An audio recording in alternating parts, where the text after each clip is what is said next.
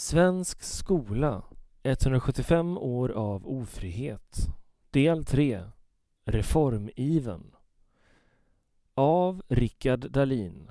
Publicerat 18 maj 2018 På slutet av 1800-talet kom krav på reformer både från Socialdemokraterna snedstreck arbetarrörelsen och från Liberalerna. Båda ville minska kyrkans inflytande, ge alla barn möjligheten att gå i skolan och se till individen istället för att folk tillhörde sin sociala position snedstreck klass. Skolans längd utökades ytterligare och kontrollen och kraven ökade. Liberalen Fritz Berg introducerade idén om en bottenskola, enhetsskola, sedermera grundskolan. Enligt honom skulle varje barn få förverkliga sina mål och drömmar utan att klasstillhörighet skulle förhindra dem från detta. Liberalerna och arbetarrörelsen gick således ihop angående utbyggnaden av en enhetsskola snedstreck bottenskola och om ett minskat kyrkligt inflytande. Detta mynnade ut i 1919 års undervisningsplan som syftade till att anpassa undervisningen till barns ålder och att minska kristendomens inflytande. Till exempel förbjöds katekesundervisningen. Det var demokratiseringsprocessen som tog fart under 1900-talets inledning som sedermera ledde till en enhetsskola där demokratiska fostran ingick.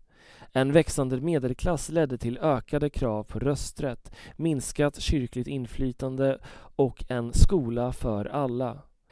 Läsebok för folkskolan från 1868 användes ända in på 1940-talet som ett steg i nationaliseringsprocessen varför då också demokratisk fostran var viktigt. 1927 påbörjades processen att avskaffa parallellskolesystemet men det visade sig vara lättare sagt än gjort.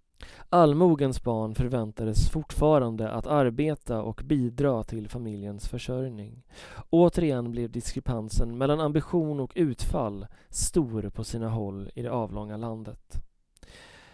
Kyrkans inflytande minskade sakta och 1935 lagstadgades att skolan flyttades från den kyrkliga till den borgerliga delen av kommunen. Några år senare hade kyrkan helt förlorat kontrollen över skolväsendet. Staten gick således segrande ur den kampen.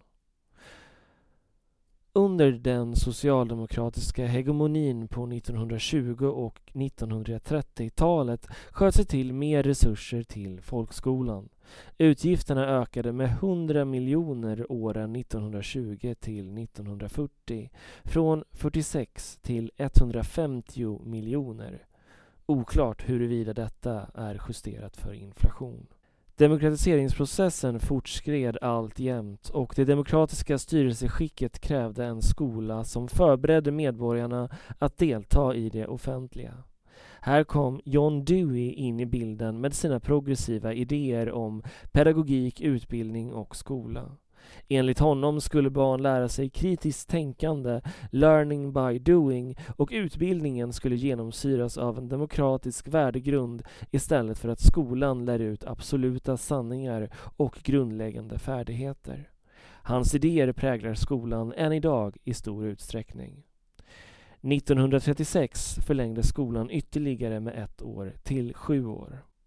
Efterkrigstiden präglades av idén om en skola som fostrar barnen i demokratisk anda och John Deweys progressiva tankar fick stort inflytande över skolan och den svenska pedagogiken. 1950 beslutades att införa en nioårig grundskola i hela landet för alla barn 7 till 15 år. I mångt och mycket baserat på Fritz Bergs idé om en bottenskola för alla. Detta testades till en början för att se om grundskolans elever elever kunde prestera lika bra som realskolans. Realskolan var den delen av parallellskolesystemet där överklassens barn gick.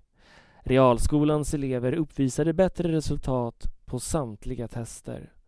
Efter det konstaterandet genomfördes införandet av den nioåriga grundskolan, som vi känner den idag.